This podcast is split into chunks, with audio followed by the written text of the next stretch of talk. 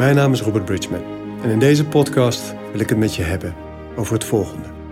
Waarom doe je wat je doet? En vooral waarom doe je niet wat je eigenlijk zou willen doen?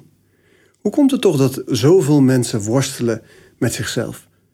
En je weet wat je wil, je weet welke richting je in wil, je weet wat je te doen hebt ehm, en wat, wat goed voor je is, je weet wat je te doen hebt om je gelukkig te voelen, en toch lukt het niet.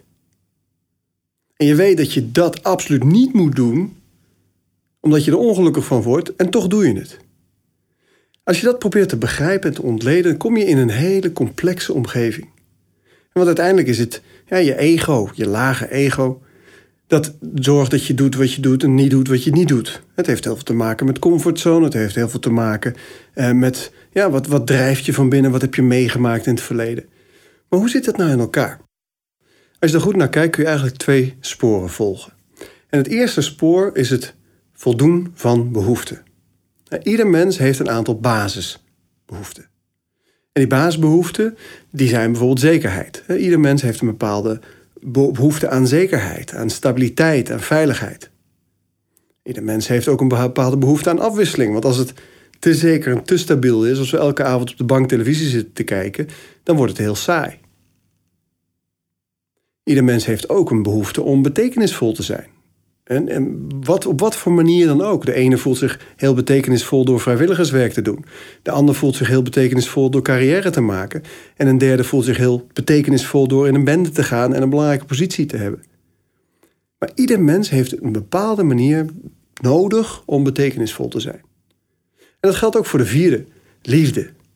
We hebben allemaal de behoefte aan liefde. Liefde is onze bestaansreden nummer één. Een van onze grootste angsten is ook om niet geliefd te zijn. En ieder mens heeft een bepaalde behoefte aan liefde. En die basisbehoeften, die proberen we in te vullen.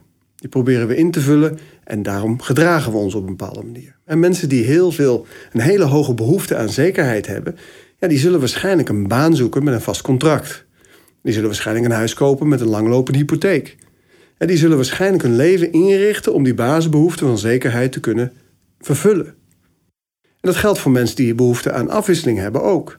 als je iemand die heel veel behoefte heeft aan afwisseling in een huis stopt met een vaste baan en een gezin en een hond en uh, drie, drie weken per jaar op vakantie naar Zuid-Frankrijk en that's it, ja, dan heb je kans dat hij gedrag gaat vertonen wat, ja, wat, wat niet zo helpend is. Misschien gaat hij buiten de deur zoeken, misschien dat hij te veel gaat drinken, misschien dat hij uh, andere genotsmiddelen gaat zoeken. Want die behoefte aan afwisseling wordt niet vervuld. Maar die is voor hem of haar wel heel belangrijk. En dat geldt ook voor betekenisvol zijn. Je ziet mensen die betekenisvol willen zijn en die een hoge behoefte hebben aan betekenisvol zijn. Zie je um, soms fantastische dingen doen. Iemand als Martin Luther King had een enorme behoefte om betekenisvol te zijn. Maar hij zette dat om in, ja, in geven en bijdragen.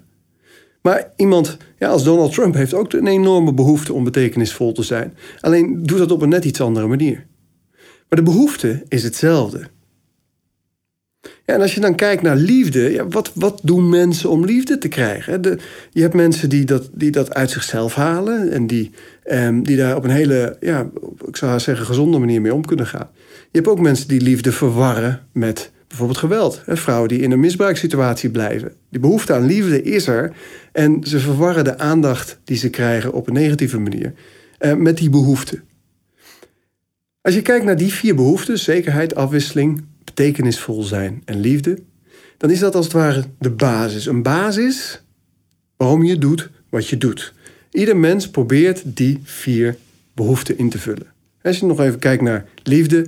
Ehm, iemand die heel veel eet, bijvoorbeeld, en daar niet mee kan stoppen. Um, dat kan heel goed een manier zijn om liefde te ervaren. Liefde en verbinding. Liefde door te eten. Dat eten geeft je altijd een goed gevoel en daardoor voel je je ja, prettig en goed. Bovenop die vier basisbehoeften liggen nog twee, wat meer spirituele behoeften. En dat zijn de behoeften aan groei en de behoefte om te geven. We zijn geen mensen die een spirituele ervaring zoeken.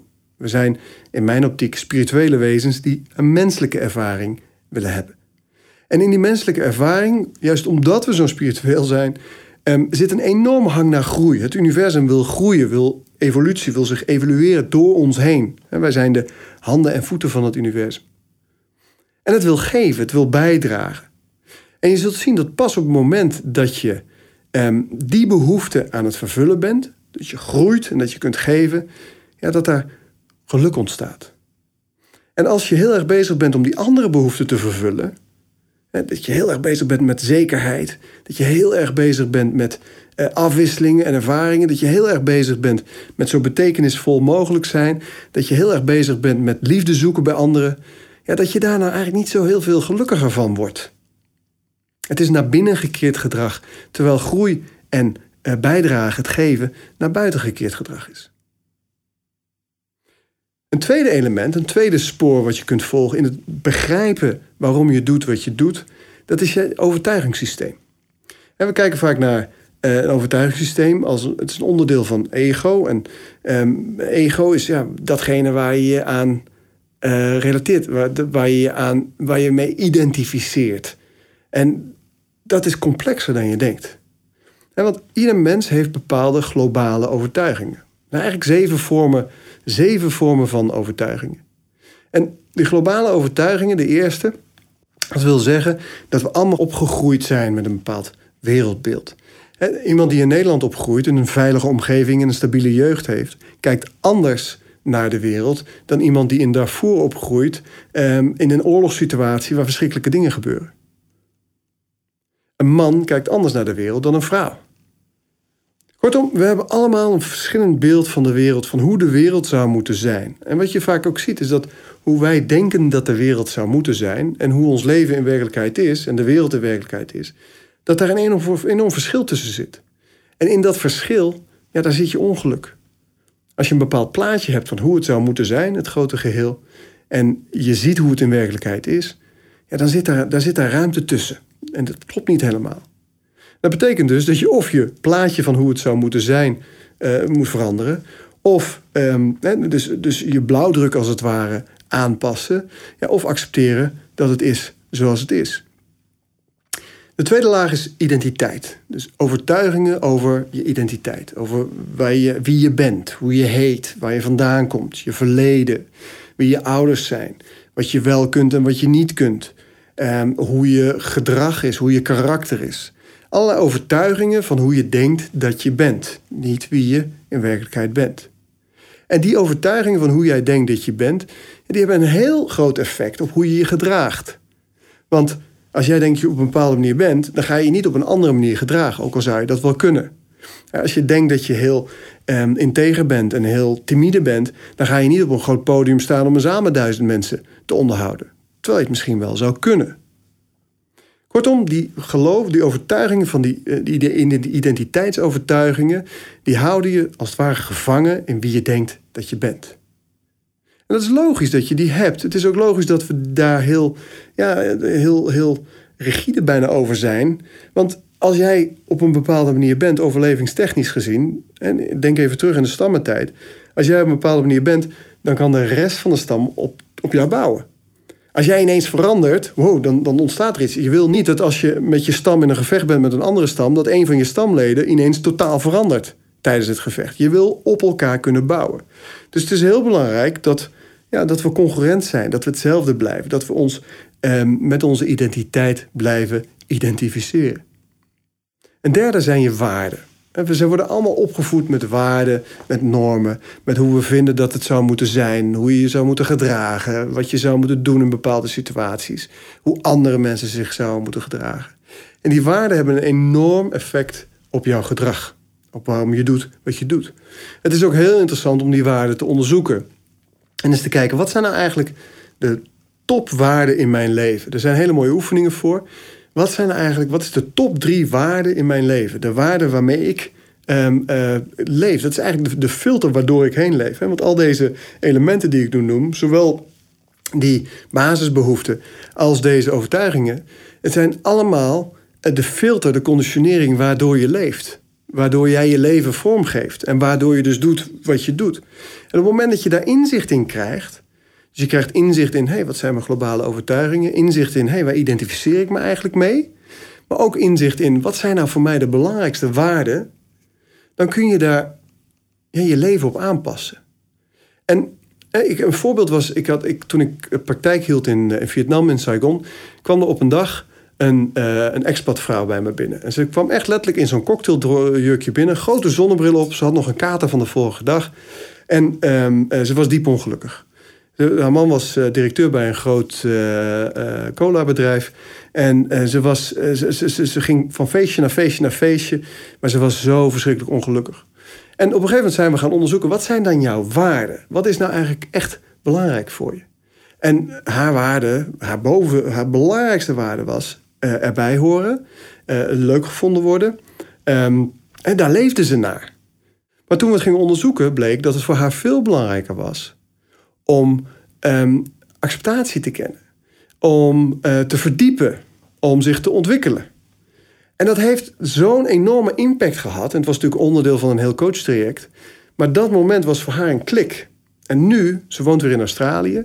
Um, ze is fotograaf en ze heeft onlangs een opleiding tot life coach afgerond. En het gaat hartstikke goed met haar. Omdat ze veel meer. Het begon daarmee met het, het leven volgens je waarden. En niet volgens waarden die je denkt dat je hebt. Want als je leeft volgens waarden die je denkt dat je hebt. dan zul je nooit echt blij zijn. Dan zul je nooit voldoening uit je leven halen. Dat kan niet.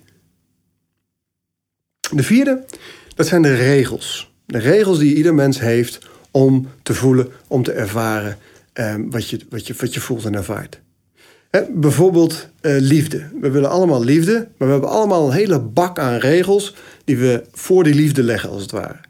Een, een, een, een, man kan zeggen, een vrouw ook trouwens, um, om liefde te voelen wil ik eerst respect hebben. Ik kan pas liefde voelen als ik respect heb. Een vrouw kan zeggen, ik kan pas liefde voelen als ik vertrouwen voel, als ik connectie voel, een verbinding voel en aandacht krijg.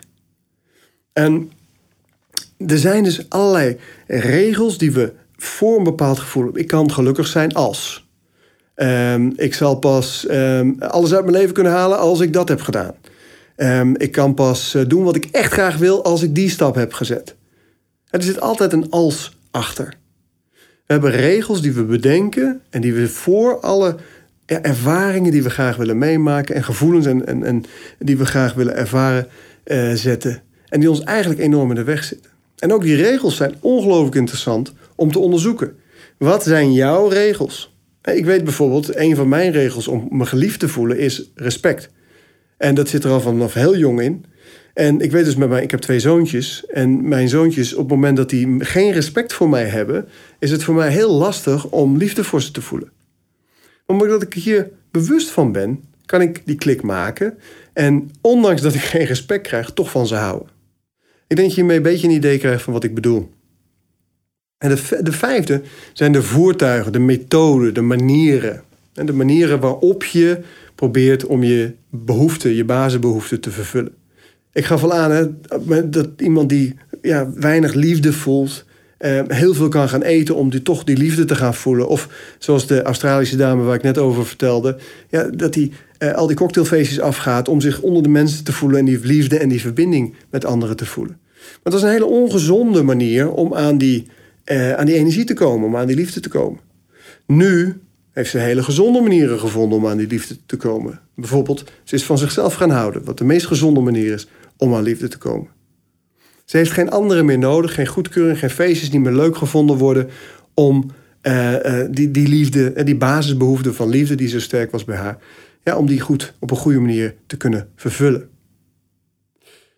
De zesde zijn specifieke, situatiespecifieke overtuigingen. Dus op het moment dat je in een bepaalde situatie was, hè, je kunt bijvoorbeeld het, het globale geloof hebben, globale overtuiging hebben.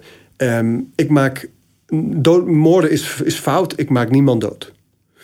Maar je kunt de situatie-specifieke overtuiging hebben, behalve als mijn kind aangevallen wordt. Als mijn kind aangevallen wordt en bedreigd wordt en eh, bedreigd wordt met de dood, dan, dan vermoord ik iemand. En dus er zijn ook overtuigingen die afwijken van je globale overtuigingen in het moment. Er zijn ook waarden die afwijken van je globale waarden in het moment. En dat is goed om daar rekening mee te houden en die ook te leren kennen.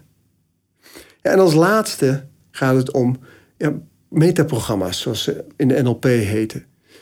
Een voorbeeld daarvan, het zijn er veel, maar een voorbeeld daarvan is dat ieder mens pijnvermijdend en genotzoekend is. We, we, we willen pijn niet voelen, we willen daarvan weg. En we willen zoveel mogelijk plezier en genot. En dat heeft een enorme impact op de kwaliteit van ons leven. Het is een heel logisch systeem, een heel logisch mechanisme. Want ja, in, in, in, in de oertijd, als je in je berenvel door het bos liep, ehm, pijn kan de dood betekenen. Een roofdier of een vijandige stam of een val. En genot, ja, dat kan een kans op overleven zijn. Een voortplantingskans, uh, uh, iets lekkers te eten. Dus we zijn veel meer genotgericht en pijnvermijdend. Alleen dat pijnvermijdend deel is wel sterker. Want stel je woont met je stam in het bos en alles gaat goed. Dat is genot. En in één keer springt er een sabeltandtijger je kamp in en die vreet iedereen op. Dat is pijn. Maar dan is alles wel voorbij. Dus we zijn veel meer gericht op pijn vermijden dan op genot zoeken. En het verschilt per mens. Dus de ene mens heeft, uh, hangt meer naar die genotzoekende kant, de andere mens hangt meer naar die pijnvermijdende kant. Maar als samenleving, kijk maar naar het nieuws. Hè. Het nieuws gaat eigenlijk altijd over wat er mis kan gaan, wat er misgaat in andere delen van de wereld, waar de bedreigingen vandaan komen of kunnen komen. Het nieuws is een manier om ons als collectief te waarschuwen. Pas op pijn. En daar willen we vanaf. Dat willen we niet voelen. En daarom willen we ook liever beelden niet zien van kinderen die verhongeren, van uh, situaties waar we niks aan kunnen doen, denken we. Uh, Amazonebossen die omgehaakt worden, dat doet pijn. En die pijn die willen we vermijden. Als je kijkt naar de hersenen, dan is dat pijnvermijdend en genotzoekend mechanisme, dat zit in je limbisch systeem, je emotioneel brein. Zeg maar als je je handen over je oren legt, dan zit het er ongeveer tussen. En dat pijnvermijdende, genotzoekende mechanisme, dat is een korte termijn prikkelmechanisme. Het gaat om korte termijn pijn en korte termijn genot. Als je bijvoorbeeld, um, stel je rookt en je wil stoppen met roken, roken is een korte termijn genotsprikkel. Het is een lange termijn pijnprikkel. Je gaat eraan dood, je krijgt er kanker van, je uh, wordt er ziek van, je, kunt, je conditie gaat achteruit, je tanden gaan achteruit je, en zo verder. Het is een lange termijn pijnprikkel, maar een korte termijn genotsprikkel. Dus voor je hersenen ja, is het, is het, die lange, de lange termijn zal zo'n rotzorg zijn. Die korte termijn genotsprikkel is veel belangrijker. andersom, stel je wil um, um, gaan sporten. En je wil gaan trainen, je wil gaan fitnessen. Maar dat is een korte termijn pijnprikkel. Zeker als je het al een tijdje niet gedaan hebt. Kan dat een hele korte termijn pijnprikkel zijn. Voor sommige mensen is het juist weer een genotsprikkel. En die gaan heel graag naar de sportschool. Maar voor heel veel mensen is dat ja, korte termijn. Je moet daar naartoe, omkleden, zweten, uh, moeilijk doen, pijn. Dat het een lange termijn genotsprikkel is, dat je je fitter gaat voelen, sterker gaat voelen, er beter uit gaat zien en meer uit je leven kunt halen, daar hebben die hersenen een broertje dood aan. Het gaat om korte termijn pijn, korte termijn genot. En als je dat gaat begrijpen, dan kun je daar dus in je, in je bestaan rekening mee houden. De dingen die je graag wil, graag wil doen, maar die je korte termijn pijnprikkel opleveren, lange termijn genotsprikkel, daarvan kun je strategisch omgaan met die korte termijn pijnprikkel. Ze zeggen bij het sporten wel eens: zet je je tas vast klaar of trek je sportkleding alvast aan voordat je, eh, als je van plan bent om die dag te gaan sporten. Omdat je daarmee de pijnprikkel vermindert. Het wordt makkelijker om daar naartoe te gaan. Als je mediteert, je wilt leren mediteren, maar het lukt niet. Um, dat is een pijnprikkel om s ochtends eerder uit je bed te stappen, te gaan zitten en met je ogen dicht in de kou. Zorg dan dat je een fijne plek hebt. Dat het ingericht is, dat het klaar staat. Dat je wat, wat spulletjes er hebt, misschien een wierookje kaarsje, zoals jij het prettig vindt. Kortom, maak van korte termijn pijnprikkels zoveel mogelijk een genotprikkel. En andersom, korte termijn genotsprikkels, maak daar pijnprikkels van. Als je rookt bijvoorbeeld, ga eens een half uur met je neus boven een asbak staan. Volle asbak, vol met kauwgom. En associeer dat met roken. Steek vervolgens sigaretten op, zoveel als je wil, en blijf naar die asbak kijken. Je kent dat systeem van stoppen met roken van Ellen Carr wel.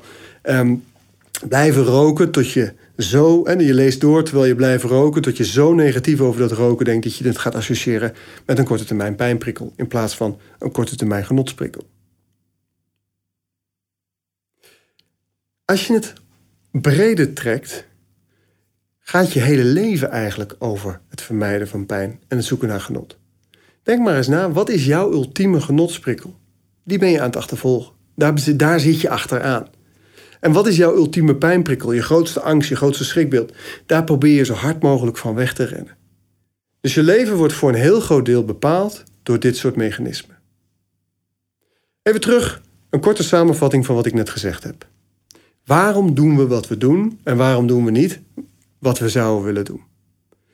We zijn allemaal bezig om basisbehoeften te vervullen. Zekerheid, afwisseling, betekenisvol zijn, liefde, maar ook groei en geven. En die basisbehoeften die proberen we in te voelen, goedschiks of kwaadschiks. Daarbij hebben we een aantal overtuigingssystemen. En daarin hebben we zeven lagen besproken. Overtuigingen over, die je hebt over hoe de wereld en het leven in elkaar zou moeten zitten. De overtuiging die je hebt, identiteit, over hoe je zelf in elkaar zit. De waarden waarvolgens je leeft. De regels die je hebt om te kunnen voelen en ervaren wat je graag wil. De voertuigen die je gebruikt, de methoden die je erbij gebruikt.